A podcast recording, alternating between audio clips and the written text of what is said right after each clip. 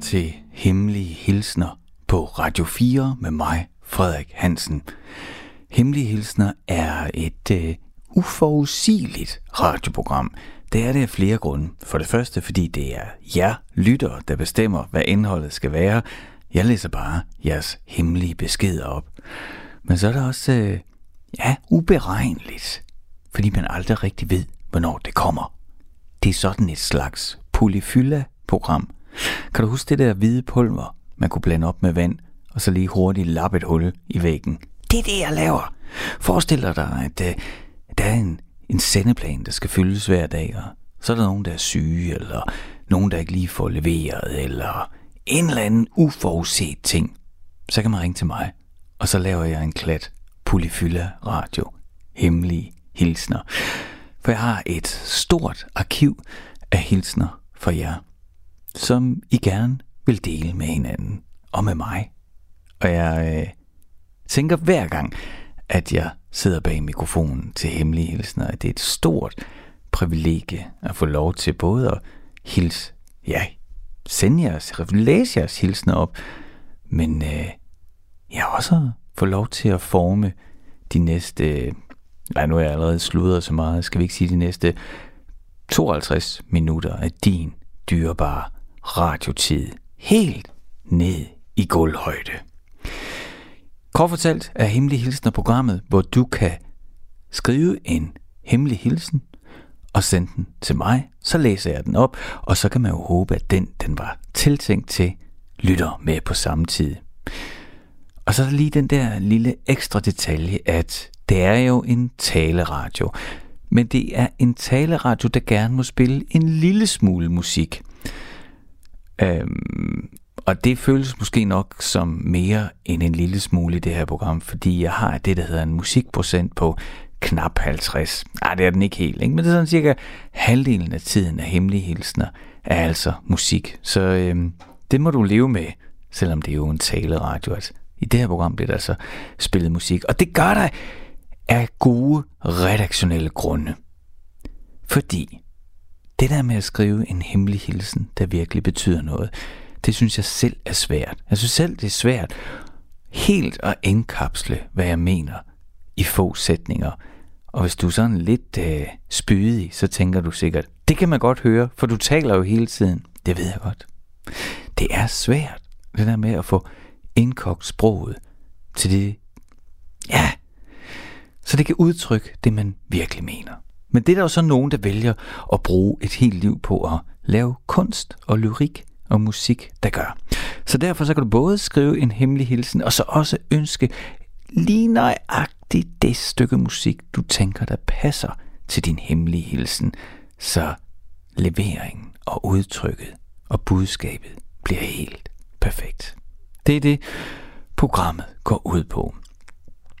Og det her, det er en ganske særlig udgave af Hemmelige Hilsner. Den hedder nemlig Ingen kære mor. Jeg har trålet igennem hele skuffen af hemmelige hilsner, og så har jeg samlet alle de hilsner, der var til afdøde mødre. Så det er simpelthen det opløftende tema, der skal bæres igennem de næste 50 minutter. Det er altså hilsner til mødre, der ikke længere er der. Og jeg kunne jo have valgt alle mulige temaer, men det her, det har jeg det selv ret så godt med at vælge.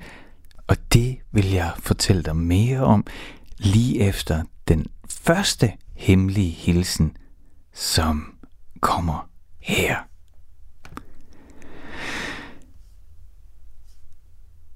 Kære mor, med denne hemmelige hilsen vil jeg sige dig tak for alt det, du har gjort for mig og mine to børn.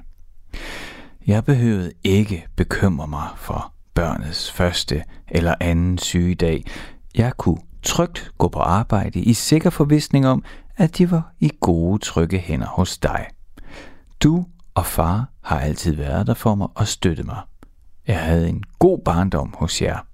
Du havde et godt humør og kunne være meget charmerende og festlig. Du fortalte, at da du var en lille pige, så sad du sommetider på en trappesten og sang under den hvide bro. Nogle gange var der folk, der gav dig nogle små mønter. Du sang nemlig godt. Du havde en god fantasi, Der var noget af en skuespiller gået tabt i dig. Den tak fik jeg ikke sagt til dig, mens du stadig var her.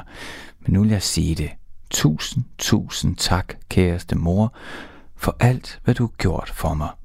Jeg tænker altid på dig, og jeg tænker, det kunne være hyggeligt, hvis du og far stadig var her, så I lige kunne komme forbi til en middag eller en kop kaffe.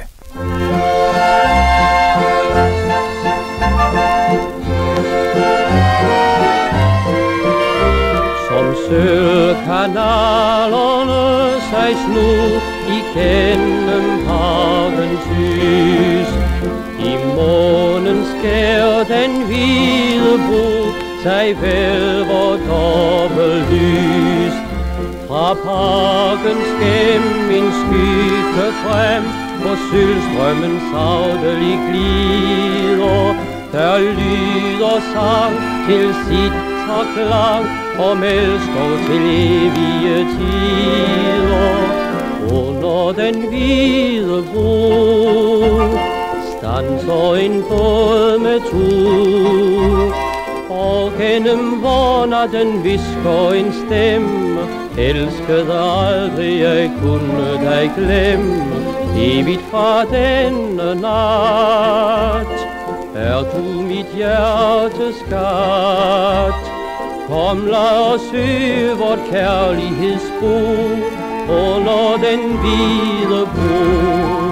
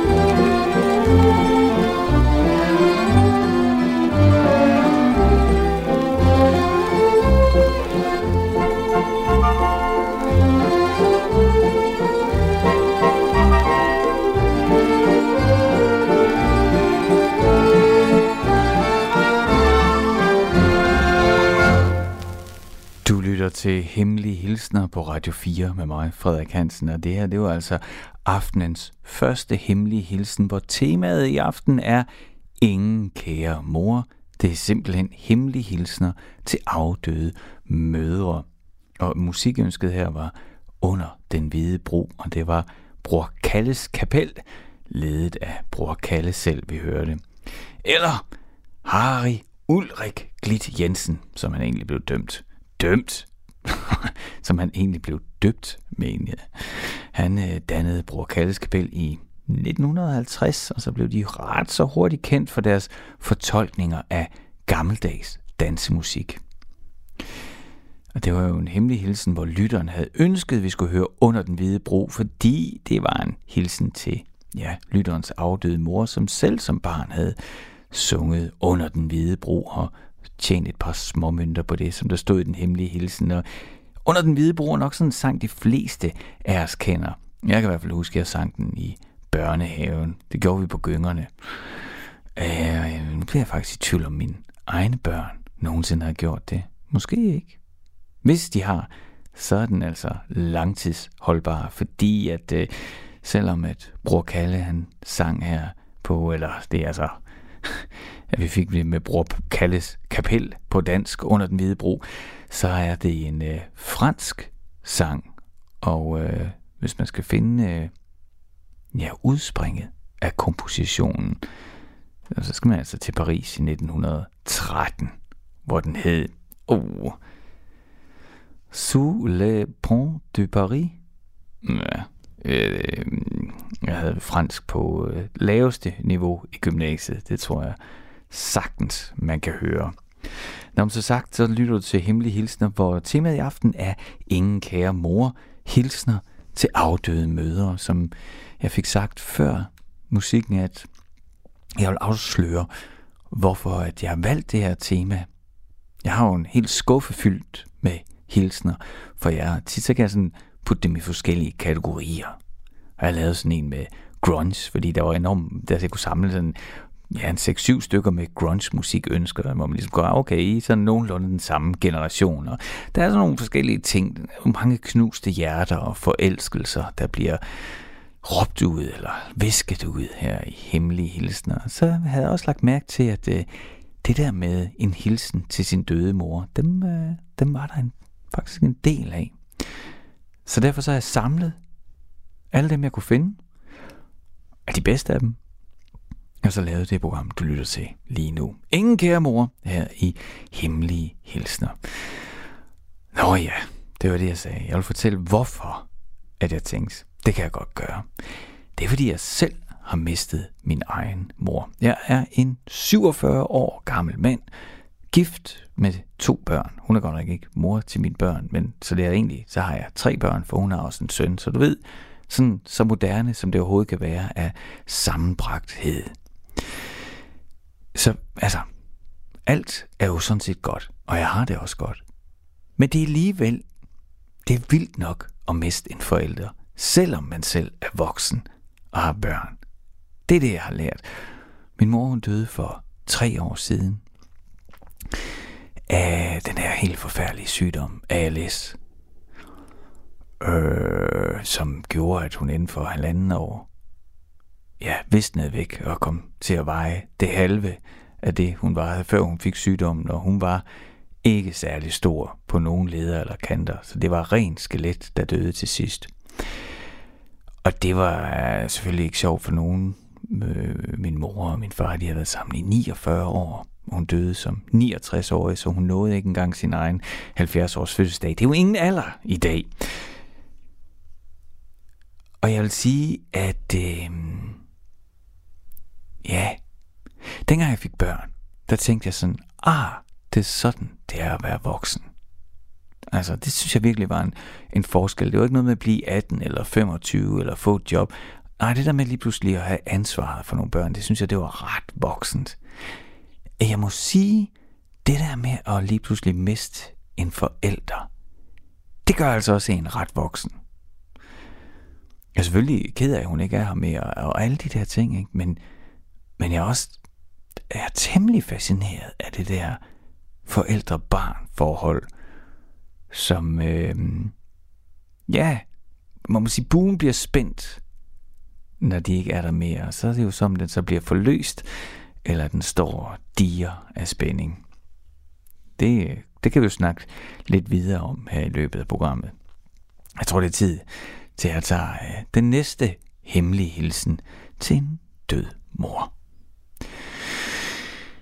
Til min mor, som jeg stadig savner hver dag. Jeg troede engang på mere mellem himmel og jord, men nu tror jeg ikke rigtigt, at jeg tror på noget mere. Jeg har altid tænkt om mig selv, at jeg ikke var bange for døden eller bange for at tale om den, men efter at have mærket den så tæt på, er det svært for mig at se andet end meningsløshed, både i døden, men også i livet. Det er ikke altid lige slemt, men når det er, og når jeg har svært ved at se ud over min egen næsetip, så sætter jeg altid det samme nummer på, så det skal være min hemmelige hilsen til min mor. Blind faith can't find my way home.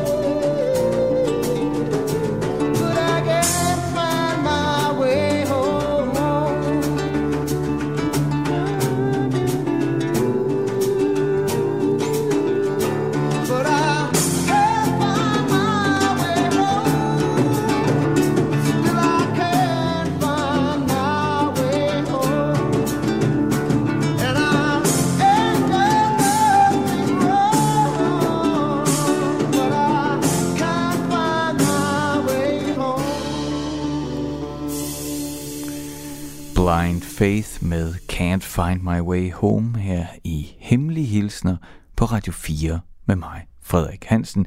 Programmet, hvor jeg læser jeres hemmelige hilsner og musikønsker op, så I ligesom får en mulighed, en platform for at dele det, der brænder for at komme ud, uden nødvendigvis at skal lægge ansigt, stemme eller navn til. Blind Faith er vel en af de første supergrupper, er det måske en dag, den første supergruppe, det kommer vel lidt an på, hvordan man definerer det der, men altså hvis nu bare lige supergruppe ikke, er superstjerner, der kommer fra andre bands eller solister, og så laver en ny gruppe. Crosby, Stills, Nash og Young er et eksempel. Øh, jeg ser alle mulige andre eksempler på det, der ikke lige... det har jeg ikke forberedt mig på det her. Det er, det er ligesom blindgyde, jeg selv er kommet ud af. Men, men øh, hvis jeg gik på Google, så skulle jeg nok komme med nogle eksempler. Men Blind Faith var i hvert fald en af de første. Øhm, hvad hed de? Power Station, eller hvad hed dem der med John Taylor? Uh, Roger T. Nej, John Taylor på bas, og ham den gode sanger. Nej, hvor er jeg ringe lige nu. Nå, prøv lige at parkere det. Jeg er bare så dårlig. Når der er ting, jeg godt ved, men jeg ikke kan få det sagt, så er jeg så dårlig til at parkere det. Men det tvinger jeg lige mig selv til væk med det. For at komme tilbage til Blind Faith, det var jo der, hvor Eric Clapton gik hen efter at en anden supergruppe, må man sige, Cream var jo egentlig også, altså han kom jo fra Cream sammen med øhm, Jack Bruce på bass og Ginger Baker på trommer. Ikke? Der, de var jo allerede kendte musikere, inden de dannede Cream. Øh, og så laver han så Blind Faith sammen med øh, stadigvæk øh, Ginger Baker på trommer. Den, den øh, små, øh, krakilske, tror jeg roligt man kan sige, vilde trommeslager Ginger Baker. Altså, hvis du får, øh, falder ned i en af de der kaninhuller i YouTube og begynder at se videoer med Ginger Baker, han spillede jo mega fedt, men han var jo simpelthen også rapplende gal. Altså, han var jo ikke bange for at dele knytnæver og lusinger og slå med sin øh, stok til sidst. Han var, han var en vild mand. Nå, det var han også bag tønderne. Det var øh, Clapton jo ikke sådan rigtig bag gitaren, men det, der kom ud, det virkede. Han var jo ikke et vilddyr, men hold op, han spillede vildt. Øh, så er der selvfølgelig ikke øh, Jack Bruce på bas, fordi Cream var jo gået i opløsning af, af ja, gode grunde, tror jeg. De kunne ikke få det til at hænge sammen. Øh, men det vigtigste nok for mig, som var med her i, øh, i Blind Faith, som jo kun udgav den her ene plade i august 1969, så det er jo 53 år siden, at den kom ud. Det er jo selvfølgelig Steve Winwood på all og sang. Oh, han kan, og han kan stadigvæk. Det er helt vildt at tænke på. Altså, jamen jeg kan stadigvæk...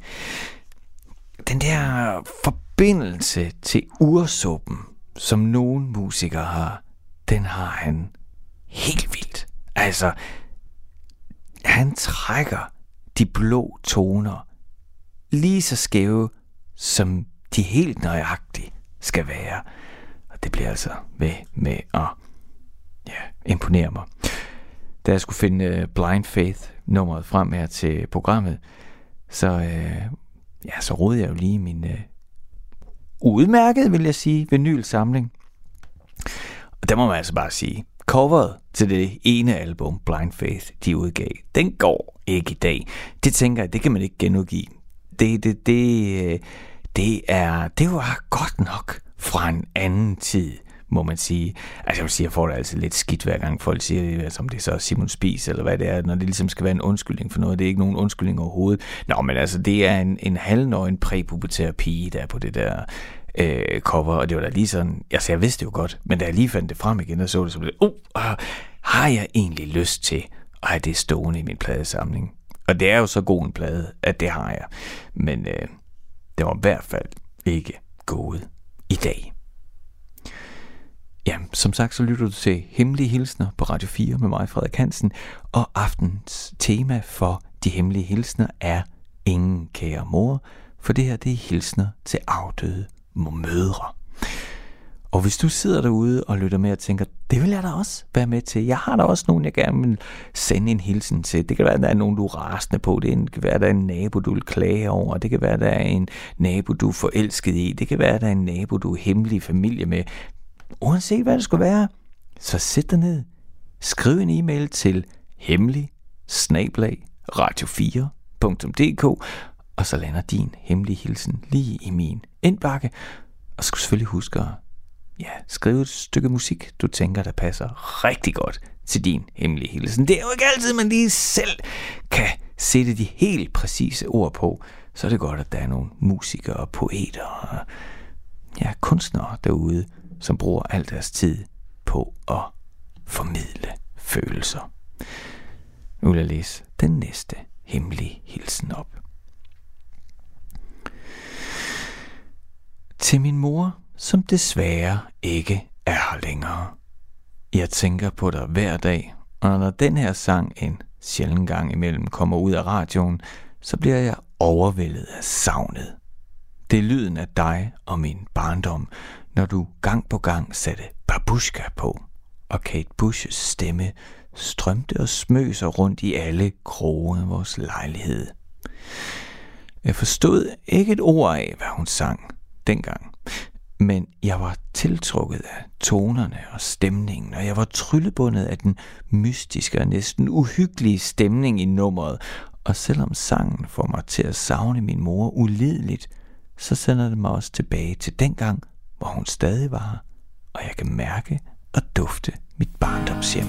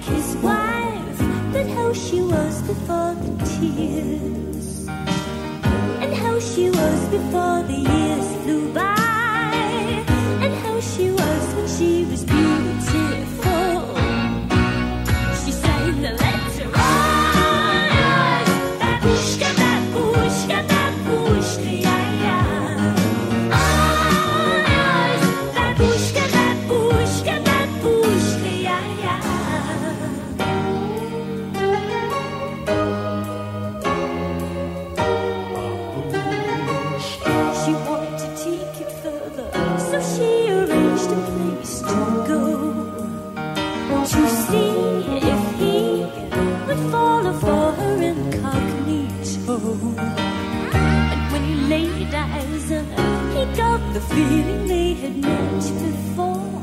Uncanny how she reminds him of his little lady.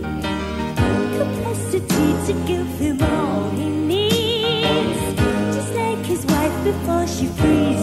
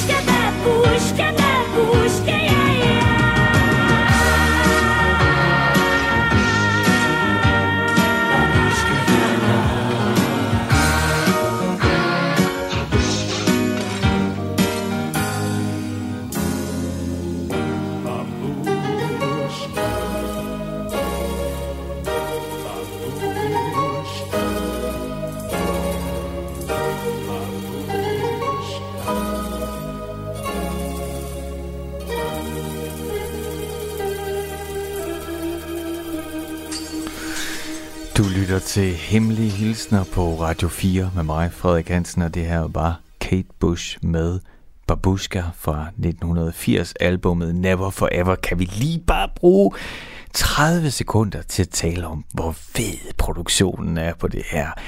Nej, jeg synes, det er fedt. Og den der båndløse bas. Oh, er det Pino, der spiller den? Det ved jeg ikke, men det kunne jeg godt, øh, det ville næsten være mit gæt. Det skal jeg undersøge her, når jeg er færdig med at sende. Hvem er det egentlig, der spiller bassen på Babuska? Det er i hvert fald rigtig godt. Og det var jo en hemmelig hilsen fra en lytter til en mor, der ikke er her længere, fordi den her udgave af Hemmelige Hilsner har et tema, og temaet det er Ingen kære mor. Jeg har simpelthen fundet alle de hilsner, som I har skrevet til møder, der ikke længere er her. Og så udvalgte de allerbedste med den musik, jeg lige tænkte, jeg havde lyst til selv at spille os. Så det er jo privilegiet ved at lave det her program. Det er, at jeg kan kuratere, som det vist nok hedder. Jeg er selv ret vild med... Øh, altså, jeg sætter aldrig Kate Bush på. Nu har der så lige været uh, Stranger Things sæson 4 og 5 i parentes, men altså sæson 4 ikke, i to dele. Anyway, øh, med øh, Kate Bush var jo fået kæmpe revival igennem den Netflix tv-serie. Øh, og det er jo også godt. Altså, hun er god, og kompositionerne er gode, og produktionen er helt vild med. Og så lige det her babuska-nummer. Det har altid haft det sådan... Ja, det er ikke ambivalent, for jeg kan virkelig godt lide det. Men altså, nu ved jeg ikke, hvor meget du lige lyttede med til teksten, men i tilfælde af, at du ikke gjorde, så helt kort, så er det en historie om en kone, som har været gift med en mand i nogle år, og hun tænker, nu vil hun teste hans loyalitet. Så hun begynder at sende ham anonyme beskeder fra en, som skal være en yngre dame, som gerne vil ham. Altså hun skal ligesom teste, hvad bider han på her? Og det gør han han bliver tiltrukket af de her beskeder. Og øh, så udvikler historien sig jo, og det jeg altid har tænkt, ikke, det er, altså, det er jo ikke fedt, at, øh, at han bliver tiltrukket af, altså at han ligesom er klar til at mødes med nogen andre end sin egen kone.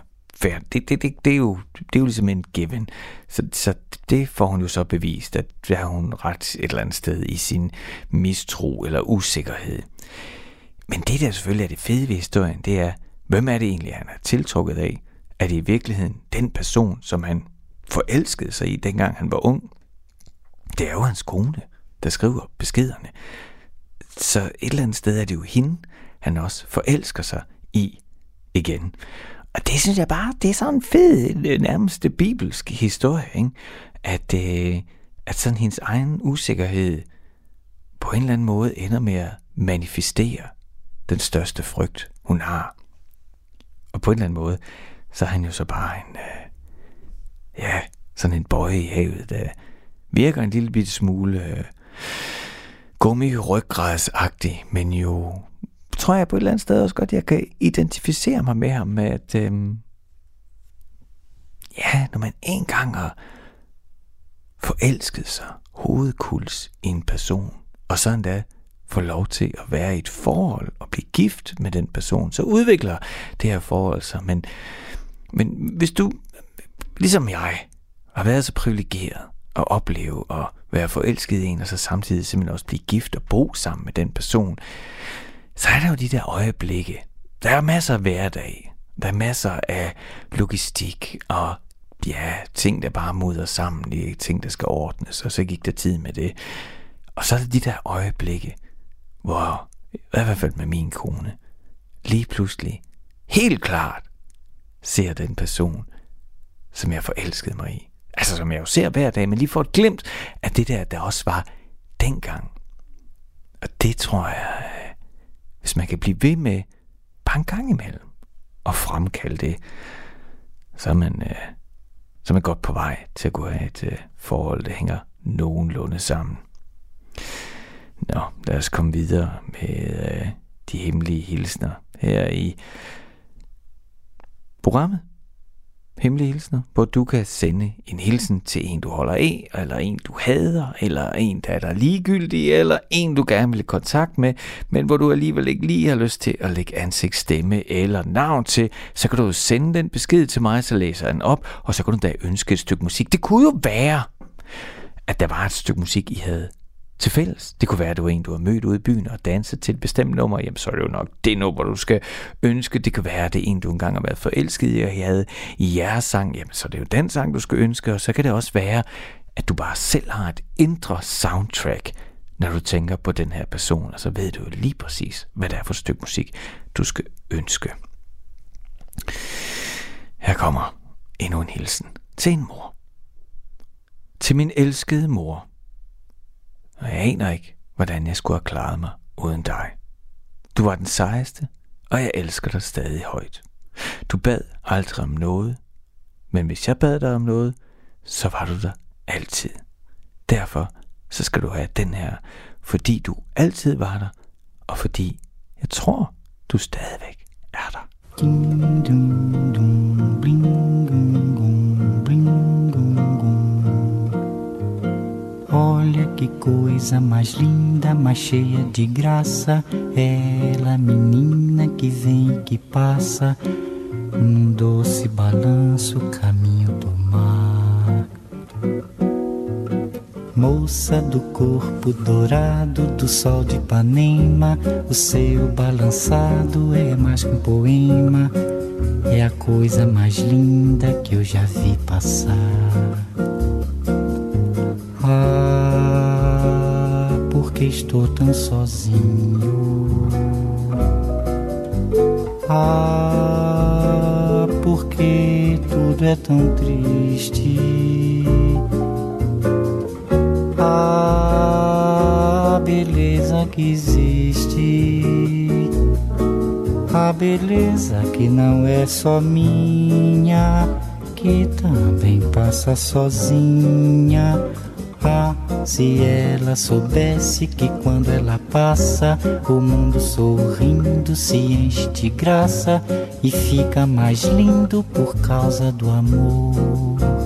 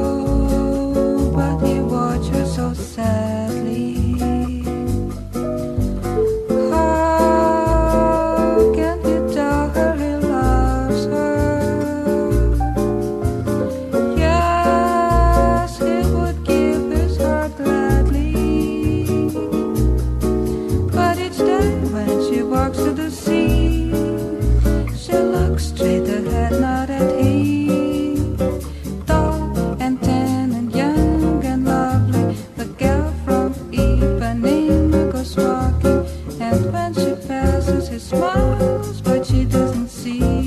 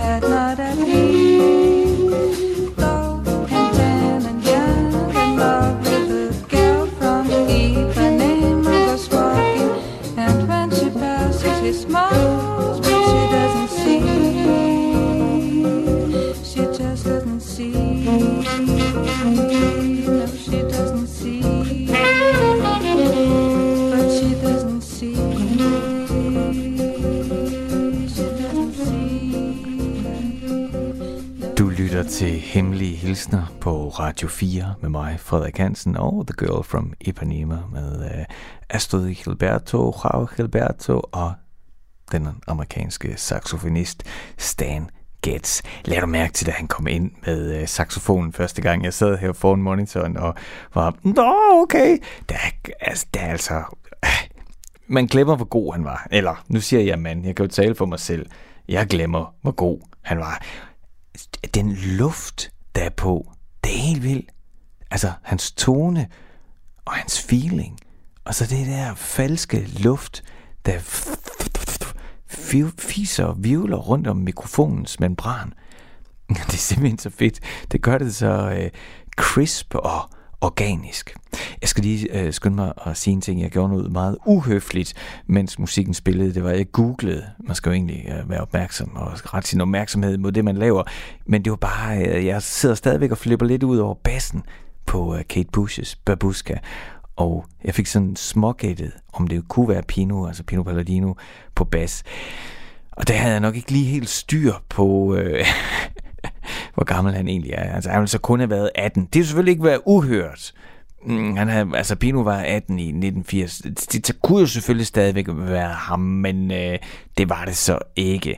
Det var øh, den skotske studiebassist, studie, altså sessionmusiker, sådan en hired gun, man ringer til, når det skal være rigtig godt, John Giblin. Og det, der er lidt sjovt, det er, at hvad jeg lige hurtigt kunne læse mig til, altså uden at have researches i bund, uden at kunne være sikker på det, jeg siger, men det, som jeg bare sådan lige skimmede på internettets overflade, det var, at øh, det her, det var ligesom det punkt, hvor den båndløse bas så også blev en del af Kate Bushes produktionsudtryk.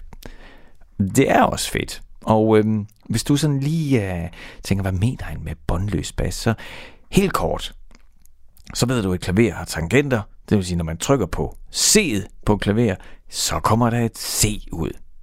Hvis du så forestiller dig en violin, den har i hvert fald ikke tangenter. Den er bare strenge, der ligger over et bræt. Og der kan du forestille dig, uanset hvor du trykker fingeren ned, så laver du en tone. Men der bliver du nødt til at være lidt præ- præcis, ikke? fordi tonen er jo svingninger. Og det er det antal svingninger, der er fra det punkt, hvor du trykker fingeren ned, ned til der, hvor strengen den så ligesom ender i stolen. Og der ender den så ikke, den fortsætter, men der, der stopper svingningen. Ikke? Og der, der skal du jo spille rent. Så det vil sige, når du har en violin, så er du ikke ligesom på klaver, der kan du bare trykke på en tangent, og så er det rent. Ej, så er der så nogen, det er sådan en anden diskussion, øh, om det så egentlig er helt rent. Men den åbner vi ikke op for nu. Lad os nu I det, det her snak antager vi, at klaveret spiller rent. Ikke? Og på violinen, der har du ligesom uendelig opløsning. Der skal dine fingre lande det rigtige sted. Hvis du så forestiller dig en elbas og en elgitar, så kan du nok godt lige tænke dig til halsen, og så har den sådan nogle bånd, metalstriber, der går ned. Og de gør, at hvis du sætter fingeren bag ved et metalbånd, jamen så får du det rigtige antal svingninger. Så kan man selvfølgelig så trykke lidt for hårdt, eller komme til at trække strengen, og så spiller man falsk. Men, men man er hjulpet noget bedre på vej på en guitar, på en bas med bånd, end man er på en violin, hvor man virkelig bare selv skal intonere sig frem. Ikke? Og så var der så dem, der så tog elbassen, og så sagde han, at jeg vil gerne have båndene væk, så jeg har en elbas, men jeg har en hals, ligesom for eksempel en violin eller kontrabassen, ikke? Hvor der også er uendelig opløsning, kan man sige. Og det er den lyd. Og det betyder, at hvis du for eksempel forestiller dig, at der er de her bånd på en guitarhals, og jeg glider min finger over, så vil den ikke være en glidende opgang, så vil den jo hoppe hver gang jeg passerer et bånd. Så bliver der kortere, så bliver der kortere afstand, strengen bliver kortere, den svinger hurtigere, tonen stiger. Men det gør den ligesom i spring, fordi det vil være, hver gang det vil være båndet på guitarhalsen, der definerer det. Hvis der ikke er nogen bånd, så glider det op, så bliver det hele mere glidende, og det er den lyd, som øh, jeg flippede så godt ud over i Babushka, og som Kate Bush åbenbart også selv synes var rimelig fed, så det blev en del af hendes signatur på de produktioner, hun var en del af.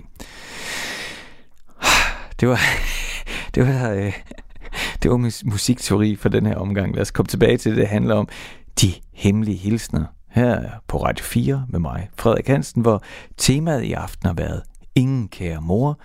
Ja, simpelthen fordi, at jeg har samlet de hemmelige hilsner med hilsner til afdøde mødre. For dem var der faktisk en del af. Og så ligesom, ja, lavet en håndfuld, hvor musikken også passede en lille smule sammen. Ah, er ikke, faktisk ikke helt rigtigt, det jeg siger. Jeg har bare taget den musik, jeg bedst selv kunne lide. Det er vel også okay. Og hvis du tænker, hvad er det, der foregår? Hvad er det for noget rod, og hvorfor lyder stemmen så mærkeligt? Så er det, fordi jeg skulle have mine læsebriller på. Jeg er nemlig nået den alder af 47, hvor jeg ikke kan se, øh, hvad der står i min manuskript uden mine læsebriller på. Men nu har jeg taget dem af, fordi jeg kan ikke vende mig til at have dem på. Så det blev du lige udsat for. Det var simpelthen 30 sekunder af dit liv, der blev spildt der. Ikke spildt, spildt, mens jeg rodede med mine læsebriller. Jeg fik øh, afsløret i begyndelsen af programmet, at grunden til, at jeg også har valgt det her emne, det er, at jeg kan relatere til det, fordi min egen mor døde for tre år siden. Og jeg synes, at det er trist, hun ikke er her længere. Jeg synes, det er ærgerligt, at ungernes farmor ikke længere er her.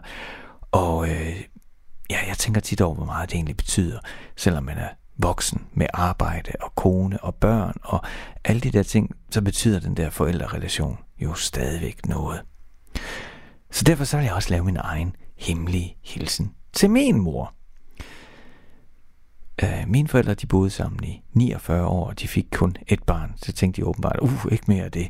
Så det var så mig. Jeg voksede op med de to hoveder alene. Og det var med op- og nedture og alt, hvad den skal have sig i Horsens. Da hun døde, så øh, min far han er gammel musiker og har et lydstudie og sådan noget. Der, der var der, ja, der var der fyldt i, i kirken. Øhm, og min far øh, sagde ikke noget, men han gik op til kirkeorglet, og så improviserede han ind i kirken, og det var sgu ret fedt. Han satte sig bare med sorg og strækte fingre åben sind og spillede det, der ligesom blev kanaliseret ind i ham. Det var en ret hæftig oplevelse. Det tror jeg, alle dem, der var i kirken, de er enige om, og man ikke lige glemmer. Og da han er færdig med sin improvisation, spiller han et lille bitte tema. Og det lille bitte tema, det var fra min mors yndlingssang. Tax Free med den svenske jazz psykedelia duo Hansen og Carlson. Så det vil jeg lukke øh, den her udgave af Hemmelige Hilsner af med. Simpelthen svensk, psykedelisk jazz, rock, pop. Nej, det er det ikke. Det er bare... Ja, altså, det er øh, syv minutters instrumental trommer og hammernål, du nu skal udsættes for. Men det er del med godt. Og det var faktisk så godt, at da de to svenske gutter, de spillede der sidst i 60'erne, så rendte de ind i en ret vild guitarist på et tidspunkt, der var i gang med at turnere over hele planeten, skulle jeg til at sige, og det var Jimi Hendrix. Og han så Hanson og Carlson.